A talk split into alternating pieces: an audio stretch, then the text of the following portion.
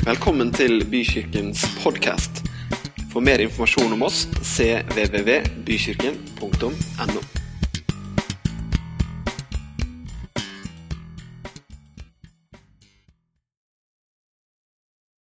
Herre, vi takker deg for eh, at det finnes et nytt år. At det finnes nye muligheter. At det finnes alltid håp hos deg, Herre. Og Jeg har lyst til å be deg for dette året som vi har foran oss nå. Takk for at det skal få lov til å bli det du ønsker at det skal bli. Takk at vi i dette året som ligger foran, skal kunne følge deg, at vi skal kunne tjene deg, at vi skal kunne få se at nye mennesker også kommer til tro. Amen. Amen. Nå fikk du en tjuvstart allerede, men eh, overskriften på det jeg skal si i dag, er 'Følg du meg'. Vi skal lese sammen en eh, tekst som du får på veggen. Og for at jeg skal lese samme oversettelse som eh, du skal gjøre, så skal, vi, så skal, jeg stå litt sånn delvis mot dere. Er det greit? Har alle det bra, forresten? Det ser faktisk sånn ut også, sånn tilsynelatende. Det er bra. Ja, det er flott. Kjempebra. Men dere, i Johannes 21, helt på slutten av Johannes, etter at Jesus har stått opp igjen, så er det en tekst. Da de var ferdig med måltidet, sier Jesus til Simon Peter.: Simon, sønn av Johannes, elsker du meg mer enn disse? Han svarte, Ja, Herre, du vet at jeg har deg kjær. Jesus sier til han, Fø lammene mine. Igjen for annen gang sier han, Simon, sønn av Johannes, elsker du meg? Ja, Herre, du vet at jeg har deg kjær, svarte Peter. Jesus sier, 'Vær gjeter for sauene mine'. Så sier han for tredje gang, 'Simon, sønn av Johannes, har du meg kjær?' Peter ble bedrøvet over at Jesus for tredje gang spurte om han hadde ham kjær, og han sa til ham, 'Herre, du vet alt.' 'Du vet at jeg har deg kjær.' Jesus sier til ham, 'Fø sauene mine.' Så er det neste. Sannelig, sannelig, jeg sier deg, sier Jesus, da du var ung, bandt du beltet om deg og gikk dit du selv ville. Men når du blir gammel, skal du strekke ut hendene dine, og en annen skal binde beltet om deg og føre deg dit du ikke vil. Dette sa han for å gi til kjenne hva slags død han skulle ære Gud med. Da han hadde sagt dette, sa han til Peter, 'Følg meg.' Er det neste. Peter snudde seg og så at disippelen som Jesus hadde kjær, fulgte etter. Det var han som hadde lent seg inntil Jesus ved måltidet og spurt, 'Herre, hvem er det som skal forråde deg?' Da Peter fikk se han, sa han til Jesus, 'Herre, hva skal skje med han?' Jesus svarte, 'Om jeg vil at han skal leve til jeg kommer, hva angår det deg? Følg du meg.' Det ryktet kom da ut blant søsknene at denne disippelen skulle ikke dø. Ikke skulle dø. Men Jesus sa ikke at han ikke skulle dø. Han sa, 'Om jeg vil at han skal leve til jeg kommer, hva angår det deg?' Rett forut for denne samtalen her, som er så kjent, så har disiplene ved et par anledninger møtt den oppstandende Jesus. Dette er tredje gangen, sier Bibelen, at de møter ham. Han hadde vist deg flere ganger, men sånn spesifikt for disiplene. Og rett før denne historien her som finner sted på stranda, så har noen sagt nei, vi drar tilbake til båtene våre og fisker. Ja, vi blir med, sa de andre. Blant de så var Johannes, som har skrevet dette, og Peter. Og så ser de en skikkelse på stranda de har vært ute og fiska, de har ikke fått noe. De ser en skikkelse på stranda, og han, skikkelsen sier, 'Barn, dere har vel ikke fått noe fisk?' Bålet var gjort klart. De kjente han ikke igjen. Så sier plutselig Johannes, 'Det er han. Det er Herren.' Og på det kommandoordet, 'Det er Herren', så kaster Peter seg uti vannet, løper opp på stranda, og så ser han at det er Jesus. Og Så kommer denne her samtalen som vi akkurat har lest. Denne samtalen hvor Jesus gang på gang spør Peter om han elsker ham. Og du vet, Peter, Vi må ta en liten recap på Peter. Hva var det som kjennetegna disippelen Peter? Han var spontan, fire hakk over alle andre. Han var ivrig så det holdt. Han var løsmunnet, hvis man kan si det sånn. Med andre ord, han var alltid klar for å liksom snakke før han tenkte. Vet ikke om det er noen som kjenner seg igjen i det. Trenger ikke å rekke opp hånda. Tror vi alle kan gjøre det av og til. Peter var han som hadde sagt at «Nei, vet du hva, Jesus, du skal i hvert fall ikke vaske føttene mine. Men så klarte han jo å høre hva Jesus sa, så han, Jesus sa til ham at hvis ikke jeg får vaske føttene dine, så har du ingen del av meg. Og da var han den ivrigste. Ta hele meg! Ok? Et annet sted så er Peter langt framme. Jesus snakker om at noen kommer til å svikte han osv. Peter er fremst i rekka og sier, 'Hvis det er noen som aldri kommer til å svikte deg, så er det meg.' Meg kan du regne med. Den samme Peter er den eneste som evangeliene nedtegner at fornekter Jesus Kristus. Jesus sier det til ham, vet du hva, før han galer, så kommer du til å fornekte meg tre ganger. Nei, Det trodde ikke Peter mye på. Men Peter, han gjorde det.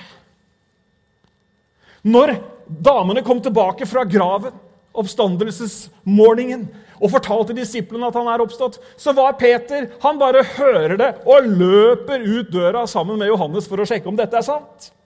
Johannes er litt raskere enn Peter. I hvert fall så kommer Johannes fram til graven før Peter. Men Peter kommer, og Peter stopper ikke utenfor graven, men Peter han går inn i graven. Er du med liksom på type Peter her? Noen som skjønner litt hva vi snakker om? Han sto ikke sist. Kanskje han sto sist, men han var i hvert fall ikke den som ønska å stå sist når fotballaget ble valgt. Når det var trekning til input i bykirken, så var han der. Det er meg! Yes, jeg kan! Ok? Herlig med sånne folk, er det ikke det? Og i hvert fall i kalde nord, der trenger vi noen sånne. Vi trenger virkelig noen sånne. Og så er det denne teksten da, hvor han blir spurt disse spørsmålene. Jesus han sier, 'Elsker du meg, Peter?' Jesus bruker det sterkeste ordet for kjærlighet. Han bruker agape, denne betingelsesløse kjærligheten. Peter svarer med 'Jeg har deg kjær', eller 'Jeg er glad i deg som en venn'. Også den andre gangen så bruker Jesus det sterke kjærlighetsordet, men han svarer 'Jeg har deg kjær'. Den tredje gangen så går Jesus ned på Peters nivå, og så sier han, 'Elsker du meg, eller har du meg kjær?' Og så svarer han, 'Herre, du vet alt, og du vet at jeg har deg kjær.' Det er som om Peter blir bedrøvet over at Jesus spør tre ganger om det samme. Men allikevel så er den bedrøvelsen som skaper en oppriktighet, den bedrøvelsen som skaper en omvendelse i hjertet, dere, det er en god bedrøvelse. Er du enig i det? Det som får oss til å tenke oss om en gang til, det som endrer hjertet vårt, det er til det fremtidige gode. Og så er det som om de tre fornektelsene oppheves av de tre 'Jeg har deg kjær'. Jeg syns det er litt interessant at det Jesus spør Peter om Nå har de møttes en gang tidligere. Det står i Lukas også at Simon møtte Herren under en av disse eh, punktene hvor, hvor, Jesus viste seg etter oppstandelsen.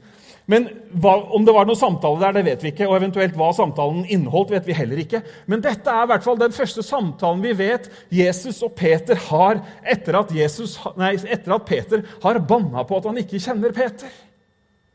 Er det ikke da fascinerende at Jesus han tar ikke en recap og spør hva var det egentlig som skjedde med deg, Peter? Hva tenkte du da du gjorde det? Hvor var du hen i, i hodet og hjertet når du banna på at ikke du kjente meg? Det er ikke det Jesus er opptatt av. Jesus han går rett på sak, og så sier han, 'Elsker du meg?' Er du glad i meg? Og han gjør det tre ganger. Peter han er jo en sånn sammenligningens mester. Det har vi allerede vært inne på. Hvis det er én du kan regne med, så er det meg. Med andre ord, De andre de er ikke helt å regne med. Peter hadde allikevel litt problemer, tror jeg, med Johannes. Fordi at Johannes, han som lente seg inntil Herrens bryst under det siste måltidet ikke sant? Og Johannes er jo morsom. da, Han, jo, han er jo ikke prega av janteloven. Den hadde jo ikke kommet da, den kom på 70-tallet. Så, så, Johannes han omtaler seg jo selv konsekvent som 'den disippelen som Herren elsker'. Da har du liksom plassert alle de andre. Ikke én av de Herren elsker, men den han elsker. Og midt oppi denne situasjonen da, hvor hva skal man si, fornektelsen er annullert, kjærligheten er på plass, og liksom relasjonen, hjerterelasjonen til Jesus den er der, om enn etter bedrøvelse, så er den i hvert fall der. Så går det altså bare et par setninger før Peter snur seg og får konkurrenten i sidesynet og sier, 'Ja, men hva med han da, Jesus?' Tenker du sånn noen ganger når du ser andre? Ja, men hva med han? Ja, men hva med de? Du vet, Vi lever i et samfunn hvor vi sammenligner oss noe helt vanvittig mye. Hvor mange har sett et plagg på en annen person og tenkt at 'oi, en sånn en skulle jeg også hatt'? Vi, vi kan ikke ta noen håndsopprekning i denne gudstjenesten, for her er vi alle skyldige på det meste. Hvor mange har sett at noen kommer i en ny bil og tenkt at 'sånn bil har ikke jeg'? Ikke rekk opp hånda, sa jeg. Det er noen som er så myke i hjertet at alt bekjennes her. Første søndagen i, i januar. Nei, men du vet, Vi lever i en sånn kontinuerlig sammenligningsgreie, både bevisst og ubevisst. Noen ganger så er vi så bevisst at vi tenker at hvis de som jobber sånn, og som tjener ca. sånn Hvis de har råd til det og det og det, da må jeg jammen ta en prat med banken jeg også, for å se om jeg også ikke kan strekke lånebeløpet litt. Vi gjør det. Så bevisste er vi noen ganger. Kan de klare det, så kan jeg klare det. Og så har du all den ubevisste sammenligningen som bare er sånn Det lagres litt der inne. På selvfølelsen. Sammenligningen med de andre. Og ikke minst så har sosiale medier har hjulpet oss kraftig med å holde sammenligningskvoten i livene våre veldig høyt oppe. For plutselig så ser vi jo hvor folk er, og hva de kjøper, og til og med hva de spiser. Det er godt de ikke har gått lenger i neste ledd. Men konstant så speiler vi oss. Bevisst og ubevisst. Vi sammenligner oss. Hva gjør de? Vi følger trenden. Men deres sammenligningen har en side ved seg som best kan beskrives som en forbannelse. Sammenligningen den stjeler fokuset vårt fordi den tar fokuset vårt. Den tar friheten vår bort. Friheten til å velge påvirkes av hva alle de andre har valgt. Den stresser oss. Vi må jo være liksom på samme nivå. Vi må gjøre det samme, vi må være det samme. Er det noen som kjenner seg, så kan du nikke bekreftende. Nei, ingen der heller. Nikke får du lov til i dag, men ingen hender. ok?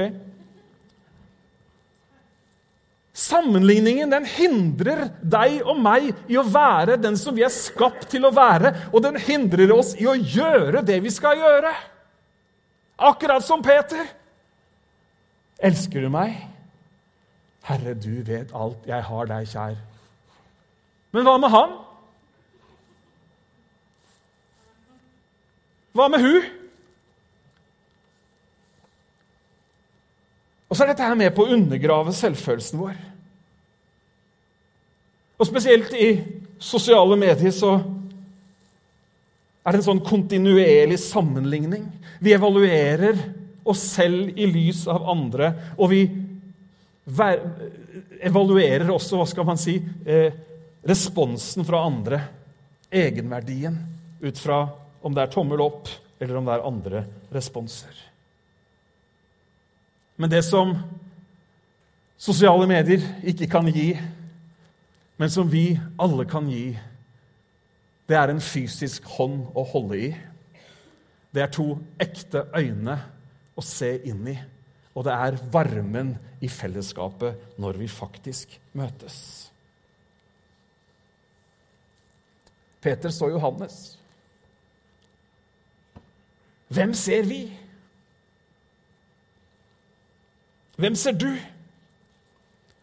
Det er ikke sikkert du har et sånn fast liksom, bildedrekke på, i, i, gangen av liksom, 'Dette er menneskene som jeg sammenligner meg med', men vi har mange som vi sammenligner oss med. Og det merkelige er at vi veldig ofte, når vi sammenligner oss med de andre, enten føler oss dårligere når vi sammenligner oss, eller så føler vi at vi er liksom vi er over det nivået. Ingen av de følelsene er veldig gode.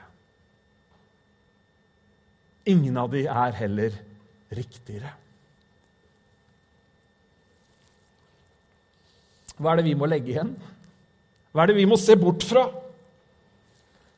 Jeg tror at dette handler ikke om et nyttårsforsett, men det handler om et levesett. Det handler ikke om at vi liksom nå skal forsøke å liksom, ja, nei, vi skal ikke se på noen andre, vi skal ikke sammenligne oss. Men dere, Peter han står midt i det bristepunktet som du og jeg står i også faktisk hver eneste dag. Han står akkurat i det punktet som er så utrolig viktig. I løpet av noen få øyeblikk så er det fortiden hans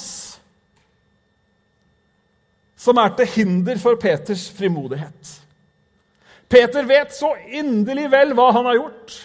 Han vet så inderlig vel at han kommer til kort.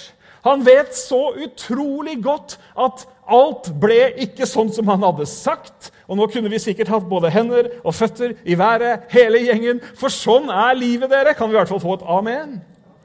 Ja, det er faktisk sant. Sånn er livet. Og i det øyeblikket hvor Jesus møter han,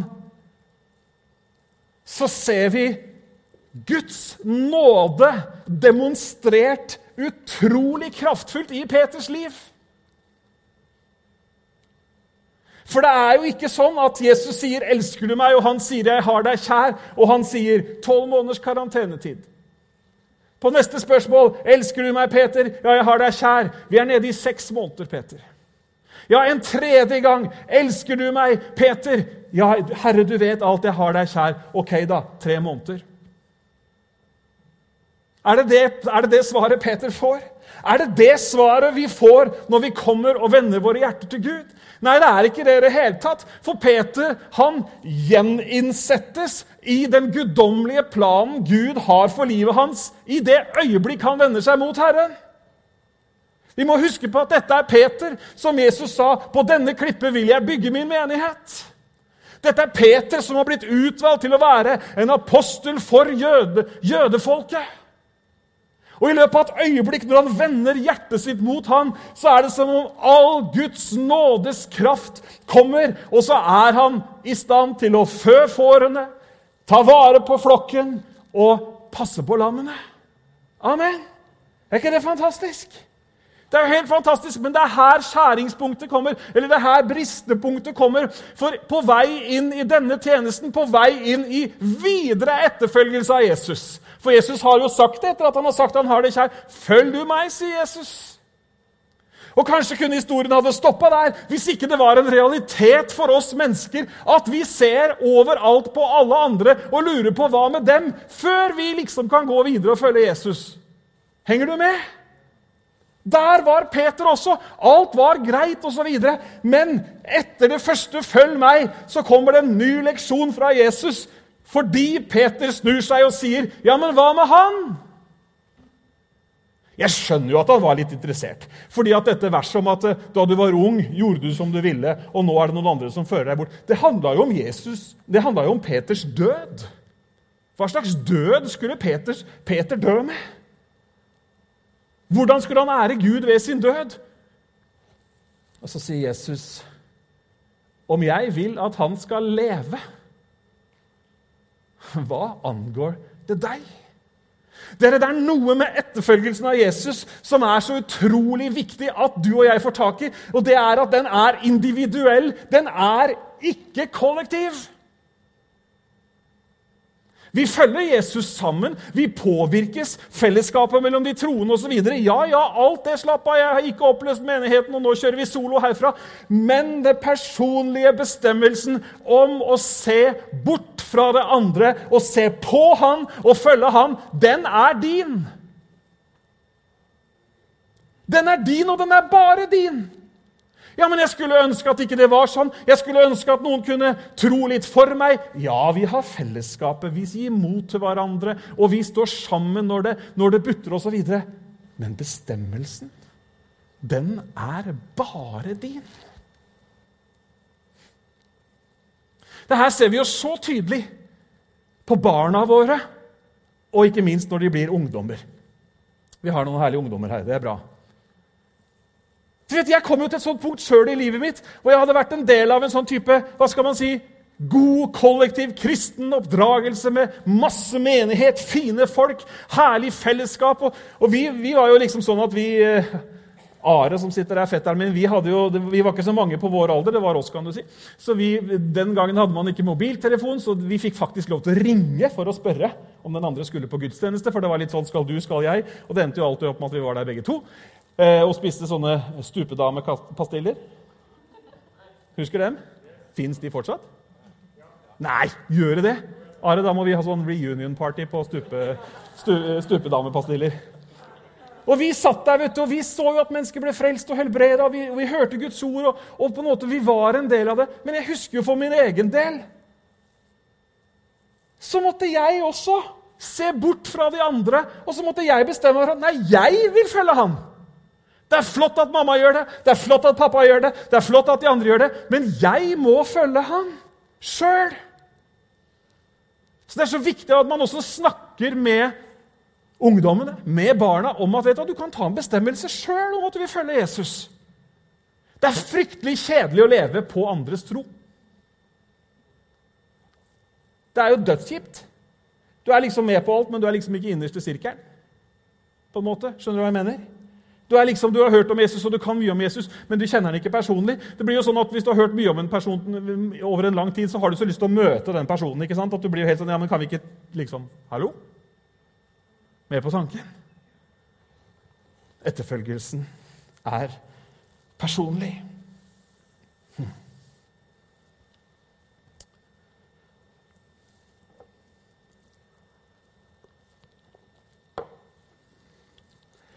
I, i, i, fortsettelsen av ditt liv Vi har jo akkurat starta et nytt år, og noen har sikkert noen gode nyttårsforsetter. Noen har begynt med nyttårsfortsetter. Da er du så fornøyd med det livet du lever, at du bare fortsetter. Det kan være kjempefint, det. Og Jeg har liten tro på hva skal man si, det psykologiske fenomenet nyttårsforsetter. Men jeg har stor tro på at man ved å velge kan gjøre endringer i livet sitt. Jeg har stor tro på at det å vende seg mot noe og fokusere på noe, det fører deg nærmere det du fokuserer på. Er du med på tanken? Når jeg gikk på lærerskolen, så var jeg så heldig at jeg havna i sånn kollokviegruppe med, med, tre gode fotballspillere. Én i Eliteserien og to i førstedivisjon. Og de som kjenner meg, de vet at mine fotballkunnskaper de er jo særdeles begrenset. Men det var et eller annet med at fokuset i vår samtale Kan du tenke deg når tre av fire liksom spiller aktivt, og, og fire av fire tar studiene på si? Hvis du skjønte den? så, ble, så, ble, jo fotballen veldig liksom, stor del av samtalen. Stor del av fokus, om du vil. Og Det gjorde jo liksom at jeg plutselig da begynte å registrere sportsnyhetene på, etter Dagsrevyen på en helt annen måte. For jeg, visste, jeg skjønte jo det, det her var helt ubevisst. Det var bare det at Hvis jeg plukka opp et par fakta der, så var det liksom sånn at de hørte jo på hva jeg sa, på en annen måte. De sperra liksom øynene opp. og 'Du har fått med deg det, ja?' Ja, ja, ja, liksom. Og i løpet, av, i løpet av å fokusere litt på sportsnyhetene så fikk jeg tilbud om å bli kommentator på NRK. Nei, det var tull, det siste der. Men det var, bare et, det var bare et eksempel på hvor langt du kan komme hvis du velger å gi noe fokus. Og da tenker jeg at et nytt år det er jo en god mulighet. Vi liker jo sånne blanke ark-følelser.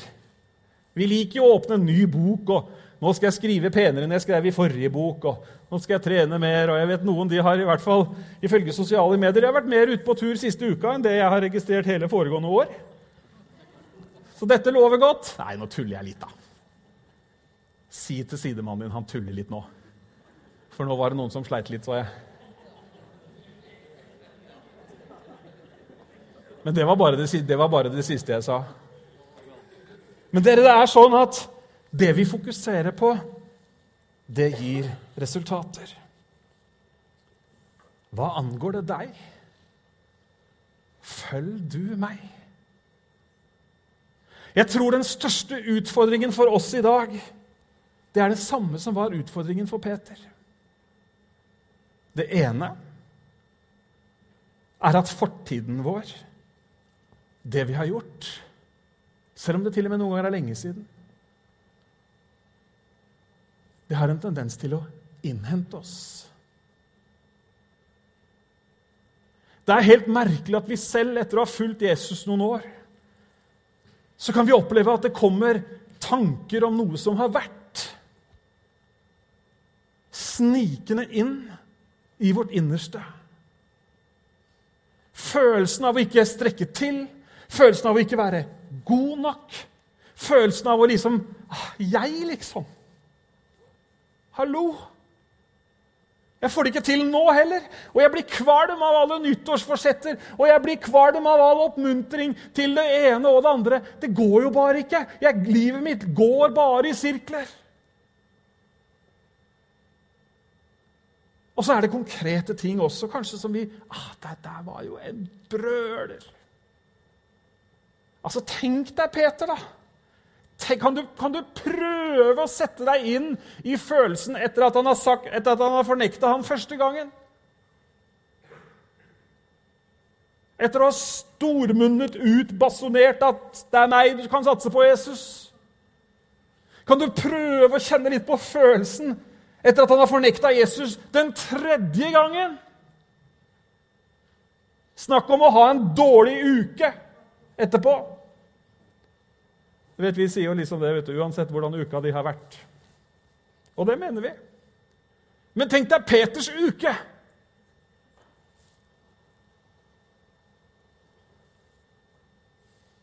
Og du vet, Der står kampen veldig ofte i, for oss som kristne. Kampen vår står mellom alt det Jesus har gjort for oss, som er fullbrakt, som er fullkomment. Du kan ikke bli mer frelst enn det du er nå, skjønner du. Du kan ikke bli mer rettferdig enn det du er nå. Alt er gjort ferdig. Billetten inn til himmelen, om du vil, eller billetten inn i relasjonen med Jesus, er at du tar imot han. Peter bekreftet at han hadde tatt imot ham ved å si at han elska ham, si at han hadde han kjær. Og så sier Peter noe helt fantastisk før han sier, 'Du vet at jeg har deg kjær den siste gangen'. Han sier, 'Herre, du vet alt'. Han vet hvordan du og jeg har det ved inngangen til 2020. Han vet hvilke tanker som vi kjemper med. Det er derfor Bibelen er så utrolig nøye. Spesielt Paulus han snakker om dette flere ganger. Hvordan det er så viktig at tankene våre, at sinnet vårt fornyes, sånn at vi tenker de tankene Gud tenker om oss. Fordi at når vi tenker de tankene, da former det handlingene våre. Og så kan vi være de Gud ønsker at vi skal være. Så du vet, Bibellesning for eksempel, det er liksom ikke en sånn disiplin som er fint å ha og krysse av og få en diplom. Nei, Det handler jo om at Bibelen er et av redskapene som er med på å fornye tankene våre. For der står kampen, akkurat som Peter. Jeg har gjort en hel masse ting. Og så står kampen i at vi hele tiden sammenligner oss med de rundt og tenker Hva med de? Hva med de? Vi vil gjerne være normale mennesker. Ikke sant? Vi ønsker, vi ønsker ikke per definisjon som mennesker å skille oss ut. Vi ønsker jo ikke å gå helt Amish liksom, og dra fram hesten istedenfor Teslaen. Det er mulighet til å gjøre det hvis man vil. Og Ofte så har liksom i pietismens høytid så har, har liksom, jo Man kunne liksom se på folk at de var kristne langt nedi gata. Og så er vi liksom så langt i den andre enden at vi på en sånn underfundig måte ikke ønsker å stikke oss ut. Og det er veldig bra på veldig mange måter, for disse tingene som har vært, det sliter vi med i dag i kommuniseringen av det kristne budskapet, fordi man tror at du er nødt til å få tull i nakken og skjørt hvis du skal bli kristen. Ikke sant? Men allikevel så innebærer etterfølgelsen av Jesus at livene våre, prioriteringene våre osv. osv. vil se annerledes ut. Og den kampen må vi våge å ta. Den utfordringen må du og jeg faktisk møte. Jeg kjenner mange, og jeg har vært der sjøl også. Og jeg kan faktisk til og med noen ganger kjenne det sjøl nå. til og med. Det må du redigere bort på det opptaket der. Pryngve. At det kan koste noe å si at jeg vil faktisk prioritere Guds hus. Jeg vil faktisk prioritere troen min i valgene jeg gjør i min hverdag. For døgnet har 24 timer, og vi kan ikke få med alt fra alle leire. Hallo, det går ikke. Det går ikke. Du klarer ikke for å holde oss i dette bildet her, du klarer ikke å følge Jesus hvis du går og ser på Johannes. Hvordan kan du følge etter én hvis blikket ditt er den veien? Og Det gjelder tiden vår, det gjelder livene våre. Og det Her er det et sånt visst alvor i, og så er det en dyp glede også i det, nemlig at vi har en vi kan følge. At ikke vi trenger å være liksom ja, 'Det er det siste nå. Det er det siste nå. Nei, nå gjør jeg det. Nei, nå bytter jeg venner.' Og så videre. Nei, vi kan faktisk følge Jesus med hele oss. Med livene våre, med tiden vår, med alt hva vi har.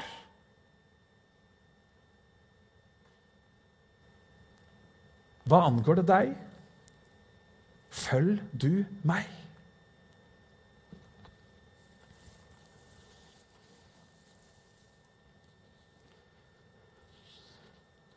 I Daniels bok så finnes det en historie, og jeg skal bare fortelle den enkelt. Så er det sånn at uh, Daniel og vennene hans de føres til Babylon, og de skal bli sånn som alle de andre. De skal få spesiell mat, de skal få spesiell drikke. og Det er liksom et sånn treningsprogram. dette her. De var unge, og de var lovende. Og så spør Daniel om ikke de kan få en spesialordning. Og nå er dette her sånn veldig helt fysisk. Da. Det handler om mat. Og nå har noen laga kostholdsbøker basert på det, og det er sikkert veldig fint, for det var veldig sunt, det de skulle spise. Men Daniel sa til han som hadde ansvaret for disse unge guttene i trening, det, er det greit at vi ikke tar alle de fete rettene og vinen og alt det gode, men at vi får vann og grønnsaker? Og fordi at Gud hadde gitt han favør overfor han som styrte dette opplegget, så sa han det er greit. Men vi kommer til å sjekke det ut. Og når de sjekker ut noen dager etterpå, når de har liksom første deleksamen, eller et eller annet, så står det i Bibelen at Daniel og vennene hans ble funnet å være ti ganger bedre enn de andre. Og nå er ikke dette noe kunnskapskonkurranse i Babylon vi er med på. Men kjære menighet, kjære venner vi står der hvor Peter sto. Vi møter de utfordringene som Peter møtte. Men er det ikke fantastisk at midt oppi skyggene fra fortiden og midt oppi utfordringene her og nå, så er Mesterens, Jesu milde stemme, Følg du meg. Vet dere hva? Etterfølgelsen begynner alltid akkurat nå. Den begynner alltid akkurat nå. Og Jeg vil at du skal ta med deg én ting fra denne lille andakten. Og det er at uansett hva fortiden din har inneholdt, uansett hva du har vært igjennom, og da mener jeg uansett Så er det nåde å få hos Jesus Kristus. Er ikke det fantastisk? Du vet, Jesus i dette tilfellet, han, Jesus sa ikke til Peter ok, Peter, du rota det til, så vi tar korsfestelsen en gang til. Han sa ikke det. Han trengte ikke å si det. Han trengte ikke å si det, Fordi han hadde en gang for alle så hadde han sagt det er fullbrakt. En gang for alle så hadde han vunnet en seier. En gang for alle så hadde vi sett Guds kjærlighet demonstrert for menneskeheten. Vi hadde sett en Gud som elsket hver og en av oss så høyt at han ga sin eneste sønn. Og han gjorde det ikke, dere. Han sendte ikke sin sønn til verden for å dømme verden. Nei, han gjorde ikke det. Og Det er nesten så vi glemmer den delen av Johannes 3, 16, og så hopper vi videre til Han sendte ikke sin sønn til å dømme verden, men for at den skulle bli frelst ved han. Men det er mange som sitter litt fast i den der fordømmelsen. Det er mange som sitter litt der fortsatt at vet du hva? Ja, men jeg. Ja, men jeg. Jeg kan ikke. Jeg har jo sånn. Jeg var jo Og så videre og så videre. Jeg trenger ikke å nevne eksempler engang, for vi vet hva vi snakker om. Men midt oppi dette så er det en som sier at 'Jeg har tatt straffen'. Vi skal snart eh, feire nattverd ute. Vi skal minne. Så er det en som sier at 'mitt blod, det taler fortsatt innenfor Faderen'. Så er det en som sier at vet du hva? det finnes faktisk kraft ved Den hellige ånd til å leve et liv hvor du følger etter meg. For hva skjer videre med Petter?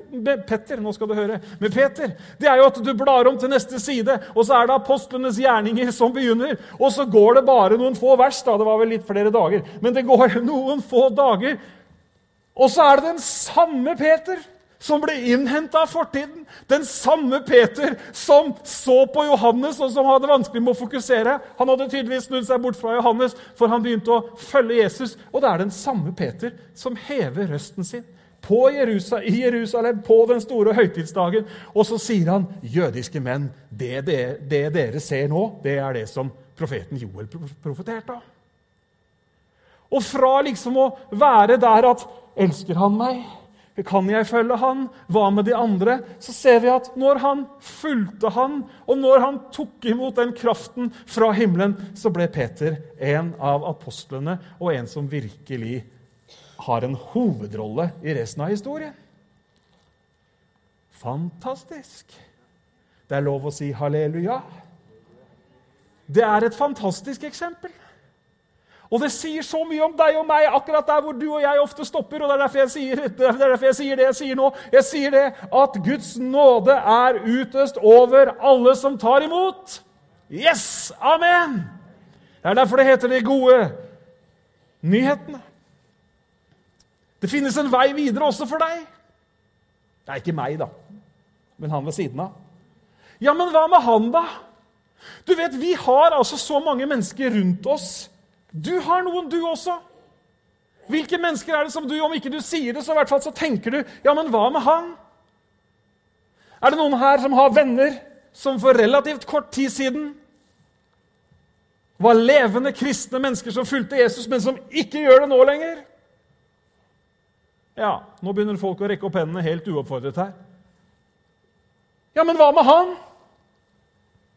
Eller mennesker som har forlatt troen på Jesus til fordel for et eller annet annet og er ute på totalt sidespor. Ja da, hva med han? Kjære, nære familiemedlemmer, gode relasjoner, som har sett på Johannes, for å si det sånn. La oss ikke se på dem, men la oss se på han.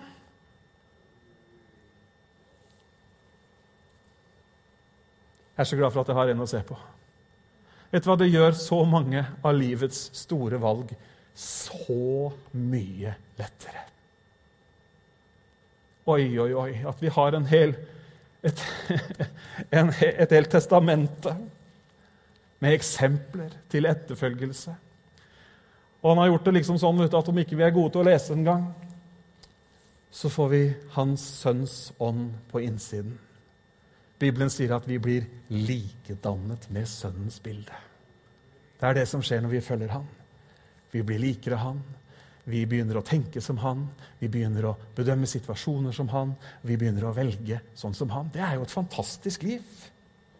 For det er jo Gud vi snakker om her. Amen. Hm. Herre, du vet alt. Du vet at jeg har deg kjær.